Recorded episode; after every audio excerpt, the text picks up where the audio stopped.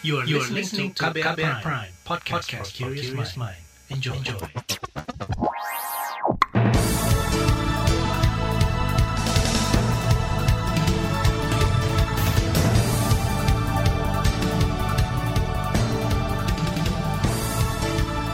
Buletin Pagi KBR edisi 9 Juli 2021, saya Reski Mesanto.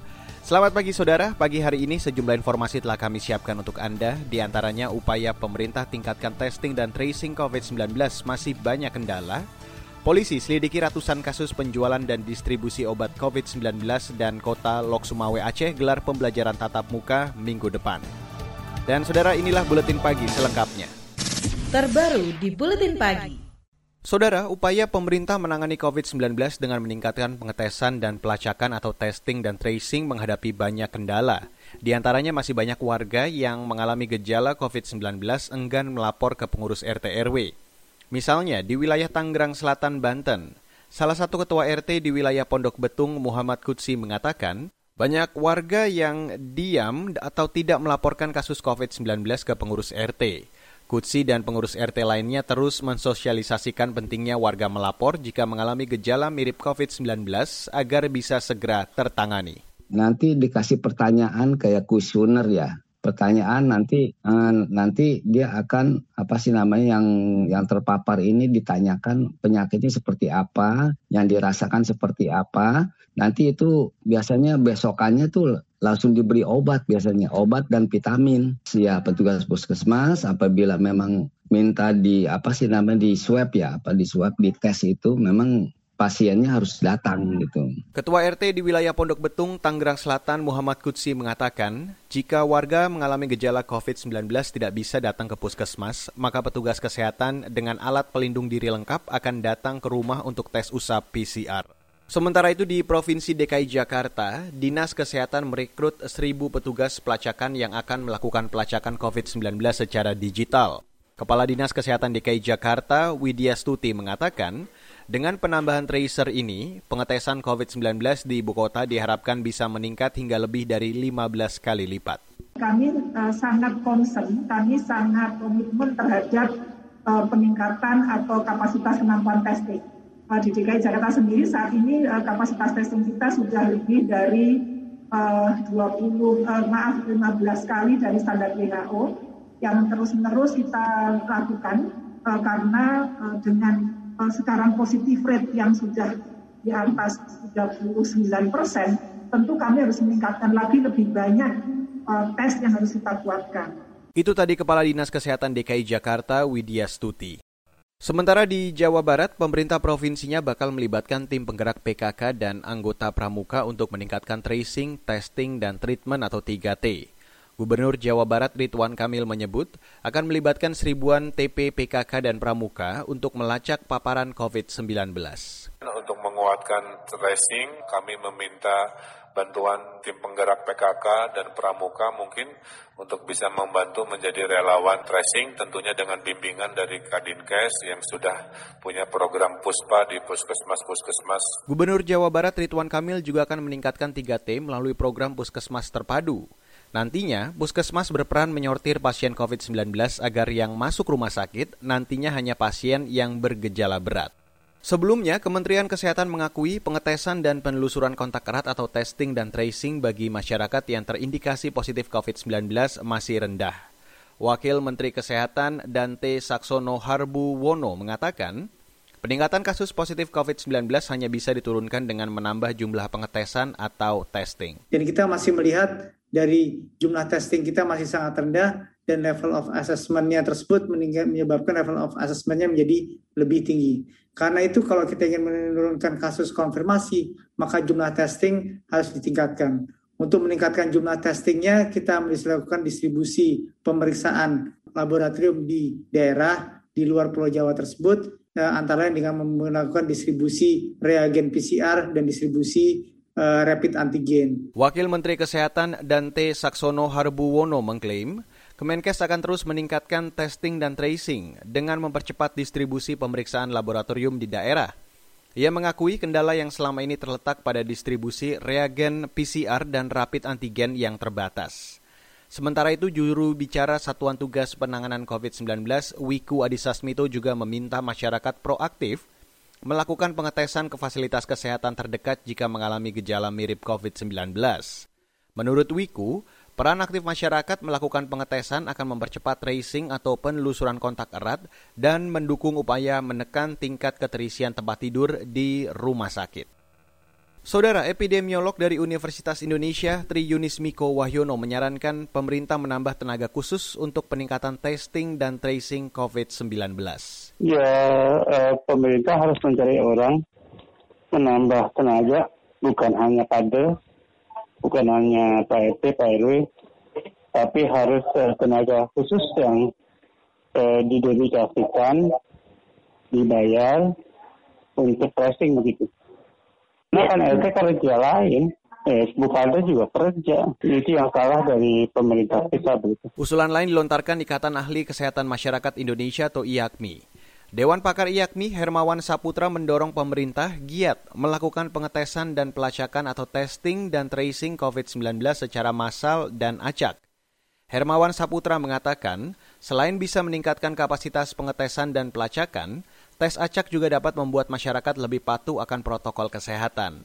Yakni menilai dengan jumlah kasus aktif yang mencapai 300 ribu, pemerintah seharusnya melakukan tes sebanyak maksimal 900 ribu orang per hari. Baiklah saudara kita break dulu. Setelah break nanti saya akan hadirkan informasi mengenai presiden yang berharap atlet Indonesia bisa menorehkan prestasi di Olimpiade Tokyo. Informasi selengkapnya sesaat lagi, tetaplah di Buletin Pagi KBR. You're listening to KBR Pride, podcast for curious mind. Enjoy!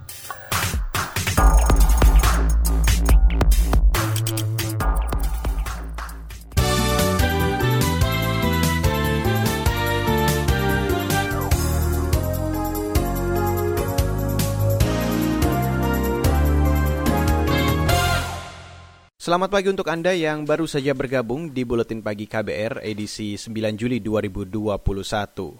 Saudara, berdasarkan data Satuan Tugas Penanganan COVID-19 Kamis kemarin, dalam sehari terakhir terjadi tambahan kasus baru sebanyak 38 ribu lebih dan kembali memecahkan rekor kasus tertinggi harian.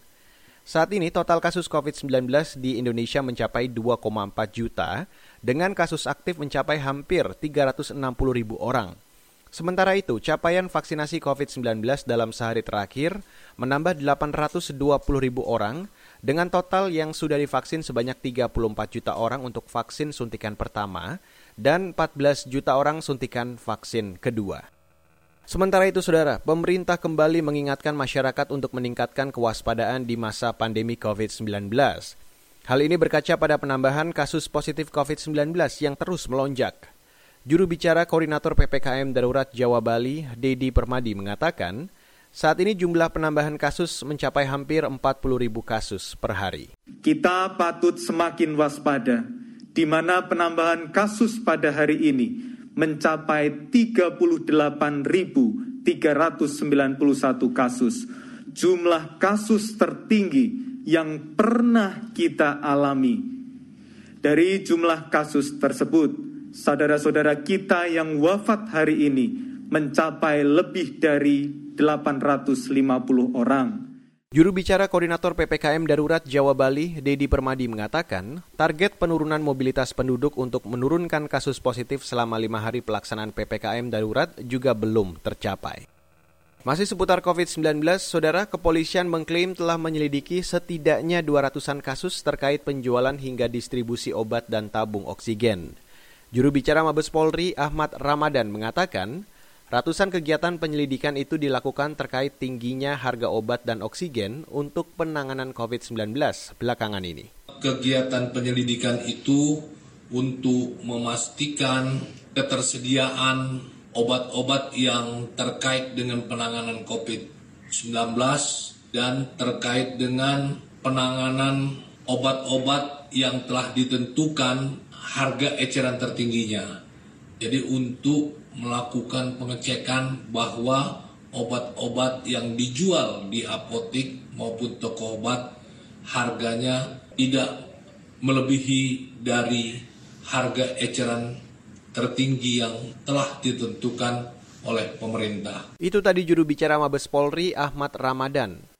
Sementara itu, Komisi Pengawas Persaingan Usaha atau KPPU mulai turun tangan memanggil dan memeriksa para pelaku usaha yang diduga menaikkan harga obat-obatan di masa pandemi melebihi harga eceran tertinggi yang ditetapkan pemerintah. Kita beralih ke informasi ekonomi, Saudara. Otoritas Jasa Keuangan atau OJK menilai krisis ekonomi saat pandemi virus corona berbeda dengan krisis ekonomi pada 98 lalu. Kepala Eksekutif Pengawas Perbankan OJK Heru Kristiana mengatakan, pandemi COVID-19 atau krisis kesehatan saat ini menuntut kesiapan ekstra dari sektor perbankan. Tugas berat yang dihadapi sektor perbankan adalah bertahan dan berkontribusi kepada pertumbuhan ekonomi. Dan tentunya kita regulator tentunya ya mengharapkan bahwa ini bisa jaga dua sisinya satu sisi mereka tetap uh, patuh mematuhi peraturan yang dari regulator, tapi di satu sisi ya kalau yang memungkin, memungkinkan mereka tetap bisa dalam situasi seperti ini berkontribusilah kepada pertumbuhan ekonomi kita. Itu menjadi penting. Itu tadi Kepala Eksekutif Pengawas Perbankan OJK Heru Kristiana. Sementara itu pandemi COVID-19 yang sudah berlangsung lebih dari setahun membuat Indonesia kembali masuk kategori negara dengan pendapatan menengah ke bawah atau lower middle income berdasarkan laporan Bank Dunia. Padahal pada 2019 lalu Indonesia naik kelas ke kategori negara berpenghasilan menengah ke atas. Staf khusus Presiden bidang ekonomi Arif Budimanta menyebut turunnya kategori Indonesia itu karena laju pertumbuhan ekonomi Indonesia menurun sepanjang 2020. Meski begitu, Arif Budimanta optimis Indonesia akan kembali menjadi negara berpendapatan menengah ke atas dalam satu hingga dua tahun ke depan jika pertumbuhan ekonomi mencapai 5 hingga 6 persen per tahun. Beralih ke berita olahraga, Saudara. Presiden Joko Widodo berharap para atlet Indonesia bisa meraih prestasi di Olimpiade Tokyo. Hal itu disampaikan Jokowi saat melepas kontingen tim Olimpiade pada Kamis kemarin. Sudah sepenuhnya siap bertanding secara sportif dan berpotensi meraih medali juara. Dan saya yakin insya Allah perjuangan saudara-saudara akan membuahkan hasil. Oleh karena itu, hari-hari ini sampai ke puncak pertandingan agar jaga kesehatan, jaga stamina, jaga motivasi, dan fokus pada pertandingan dan fokus pada prestasi. Rakyat menaruh harapan besar kepada saudara-saudara Presiden Jokowi juga berpesan agar puluhan atlet Indonesia menjaga kesehatan karena Olimpiade Tokyo digelar di tengah pandemi COVID-19. Ada 28 atlet Indonesia yang akan tampil di Olimpiade Tokyo. Olimpiade akan dimulai pada akhir bulan ini. Selama ini Indonesia memiliki tradisi meraih medali emas Olimpiade di cabang bulu tangkis. Kita ke berita dari mancanegara, saudara. Rumah sakit di Malaysia terancam lumpuh jika kasus COVID-19 di negara itu tak kunjung melandai. Otoritas Kesehatan Malaysia menyebut ledakan kasus positif terjadi di Kuala Lumpur dan tiga daerah lainnya, di mana rata-rata ada tambahan 30-an kasus harian per 100 ribu penduduk. Dikutip dari The Straits Times, tingkat keterisian rumah sakit di Kuala Lumpur, Selangor, Negeri Sembilan, dan Labuan dikabarkan telah melampaui batas maksimal merawat pasien COVID-19. Dalam sepekan terakhir, rata-rata tambahan kasus COVID-19 di Malaysia mencapai 6.500 orang per hari. Pemerintah Malaysia baru akan mencabut status penguncian wilayah atau lockdown jika kasus harian COVID-19 di bawah 5.000 kasus per hari. Saudara, selanjutnya akan kami hadirkan laporan khas KBR mengenai wacana penerapan PPKM darurat di luar Jawa Bali. Tetaplah di Buletin Pagi. You're listening to KBR Pride, podcast for curious mind. Enjoy!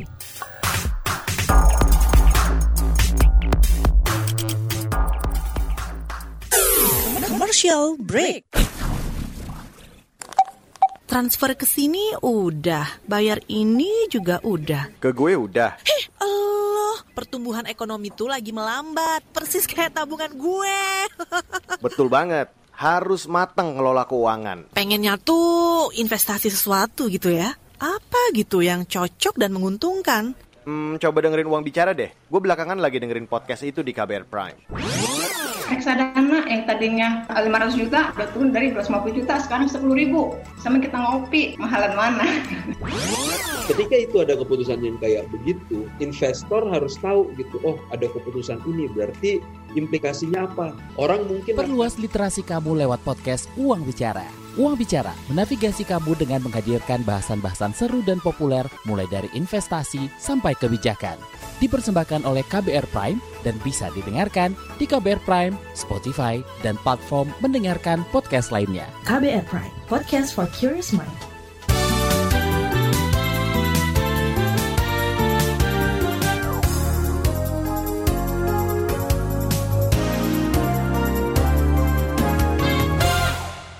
Anda masih bergabung bersama kami di Buletin Pagi hari ini. Saudara, penularan COVID-19 di sejumlah daerah di luar Pulau Jawa dan Bali meningkat hingga puluhan persen selama beberapa hari terakhir. Padahal pemerintah pusat sudah menerapkan kebijakan PPKM Mikro. Kondisi ini memunculkan wacana untuk menerapkan PPKM darurat di luar Jawa Bali. Lantas bagaimana kemungkinannya? Selengkapnya, saya hadirkan laporan khas KBR yang disusun Sindu Darmawan. Kasus aktif COVID-19 di luar Jawa meningkat sekitar 30-an persen dalam sepekan terakhir. Ketua Komite Penanganan COVID-19 dan Pemulihan Ekonomi Nasional Erlangga Hartarto mengatakan kenaikan terbanyak terjadi di Papua dan Kalimantan Timur. Dia meminta kepala daerah setempat mengetatkan penerapan pemberlakuan pembatasan kegiatan masyarakat PPKM Mikro yang telah diperpanjang sejak 6 hingga 20 Juli 2021. Ini kita lihat kasus aktif di luar Jawa itu terjadi kenaikan 34 eh, persen. Kita lihat mulai dari Aceh sampai dengan Sumatera Utara dan kita melihat ada kenaikan yang bervariasi. Erlangga Hartarto juga meminta para kepala daerah mempersiapkan infrastruktur untuk pengetatan PPKM Mikro pemerintah daerah diharuskan meningkatkan pelacakan kasus dan pengetesan minimal sesuai standar WHO, yakni satu berbanding seribu penduduk per minggu. Namun, pemerintah berharap bisa lebih dari standar tersebut. Kita mempersiapkan 43 kabupaten kota ini, di mana 43 kabupaten kota di 20 provinsi, kita akan monitor secara harian. Dari monitor harian ini kita akan lihat, dan memang arahan Bapak Presiden, seandainya daerah itu fasilitas pendukungnya semakin terbatas atau berkurang, ya tentu sesuai dengan mekanisme dan kriteria yang ada, tentu kita akan tingkatkan dari ketat menjadi darurat. Selain itu, pemerintah juga akan mengubah sistem zonasi COVID-19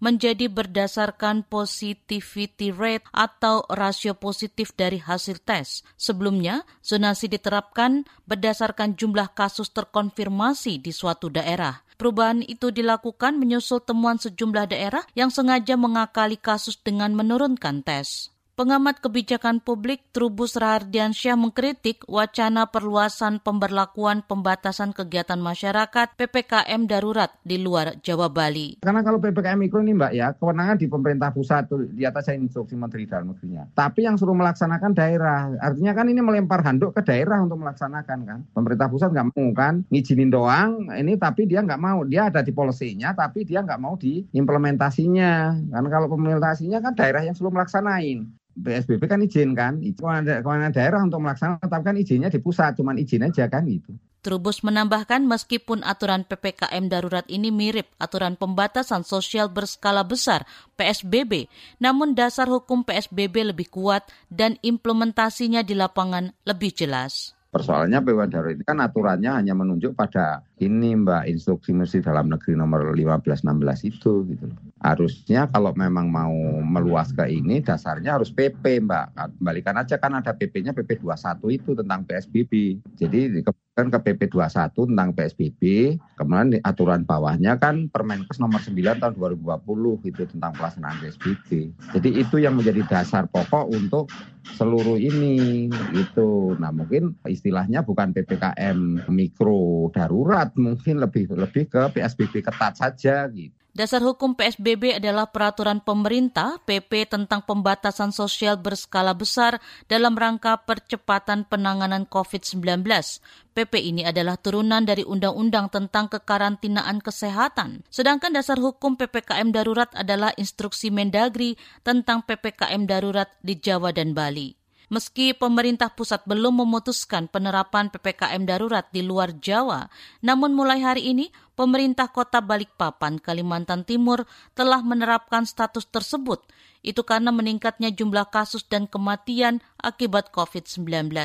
Wali Kota Balikpapan Rahmat Masud mengatakan PPKM darurat dilaksanakan mulai 8 hingga 20 Juli 2021. Itu Balikpapan masuk dalam PPKM darurat. Di langkah-langkah yang kita ambil ini sesuai dengan arahan dan petunjuk dari pusat, ya di antaranya adalah menutup mall, adapun tempat ibadah, arahan dari pusat itu kan menutup. Jadi kebijakan kita adalah bukan menutup, tapi mentiadakan dulu sholat Jumat berjamaah dalam dua minggu ini. Dan bisa kita ganti dengan sholat zuhur. Hingga Rabu kemarin jumlah kasus aktif COVID-19 di kota Balikpapan mencapai lebih dari 2.350 orang. Angka ini setelah ada penambahan 198 kasus baru di hari yang sama. Dari akumulasi jumlah tersebut, lebih dari 690 di antaranya meninggal, sedangkan sebagian lagi masih dirawat di rumah sakit dan menjalani isolasi mandiri. Demikian laporan khas KBR yang disusun Sindu Darmawan. Saya Fitri Anggreni. Dan saudara di bagian akhir dari buletin pagi hari ini akan saya hadirkan informasi dari daerah. Selengkapnya sesaat lagi. Tetaplah di buletin pagi. You're listening to KBR Pride, podcast for curious mind. Enjoy.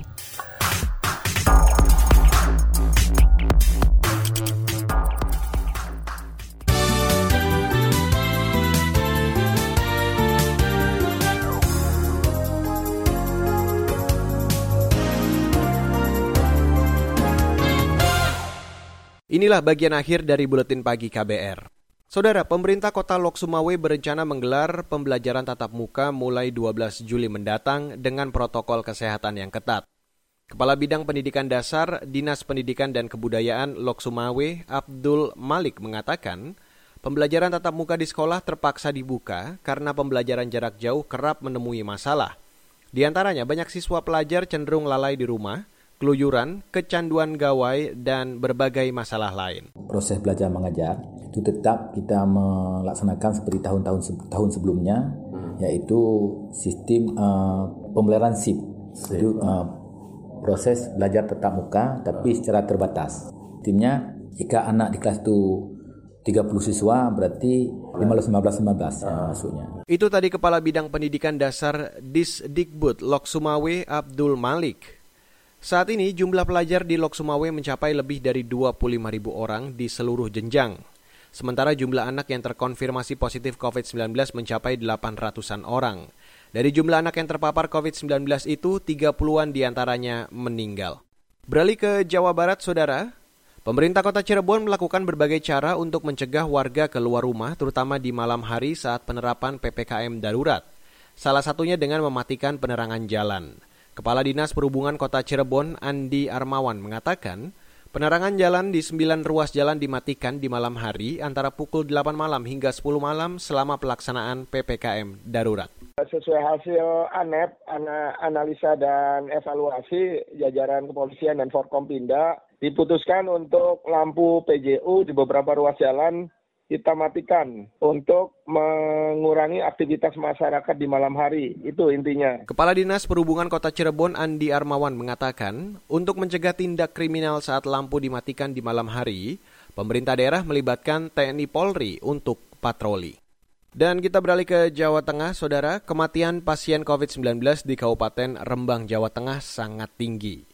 Informasi selengkapnya kita bergabung bersama reporter radio jaringan Musyafa dari Radio R2B Rembang. Musyafa. Angka kematian yang terus meningkat akibat COVID-19 membuat petugas kamar jenazah RSUD Dr. R. Sutrasno Rembang kelelahan. Petugas pemulasaran jenazah di RSUD Dr. R. Sutrasno Rembang, Hamim mengaku rekor tertinggi dalam sehari pernah menangani 24 jenazah pasien COVID-19.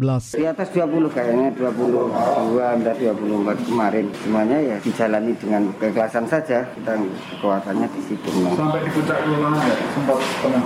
Ya namanya manusia ada puncak kelelahan, cuma harus bagaimana? Punya seharusnya lelah, ya lelah. Tapi kan kita punya tanggung jawab. Sementara itu, Kepala Seksi Informasi RSUD Dr. R. Sutrasno Rembang, Taba Tohami, membeberkan angka pasien COVID-19 yang meninggal pada bulan April hanya 10 orang, kemudian Mei 17 orang, dan terjadi ledakan angka kematian di bulan Juni 187 orang. Per tanggal 8 Juli, pasien COVID-19 yang meninggal sudah 90 orang Musyafa R2B Rembang melaporkan untuk KBR. Informasi tadi sekaligus menutup buletin pagi untuk hari ini 9 Juli 2021. Jangan lupa untuk selalu memantau informasi terbaru melalui kabar baru setiap jamnya. Anda juga bisa mengunjungi website kami di kbr.id, official Twitter dari KBR di @beritaKBR dan untuk Anda yang tertinggal buletin pagi hari ini, jangan khawatir, Anda kembali bisa mendengarkannya di podcast buletin pagi, ada di KBR Prime, Spotify dan platform mendengarkan podcast lainnya. Patuhi dan terapkan protokol kesehatan di mana pun Anda berada, dan jika Anda tidak mempunyai kebutuhan yang benar-benar mendesak, ataupun Anda memungkinkan bekerja dari rumah, tetaplah di rumah. Mewakili tim redaksi yang bertugas pagi hari ini, saya Reski Mesanto undur diri. Salam.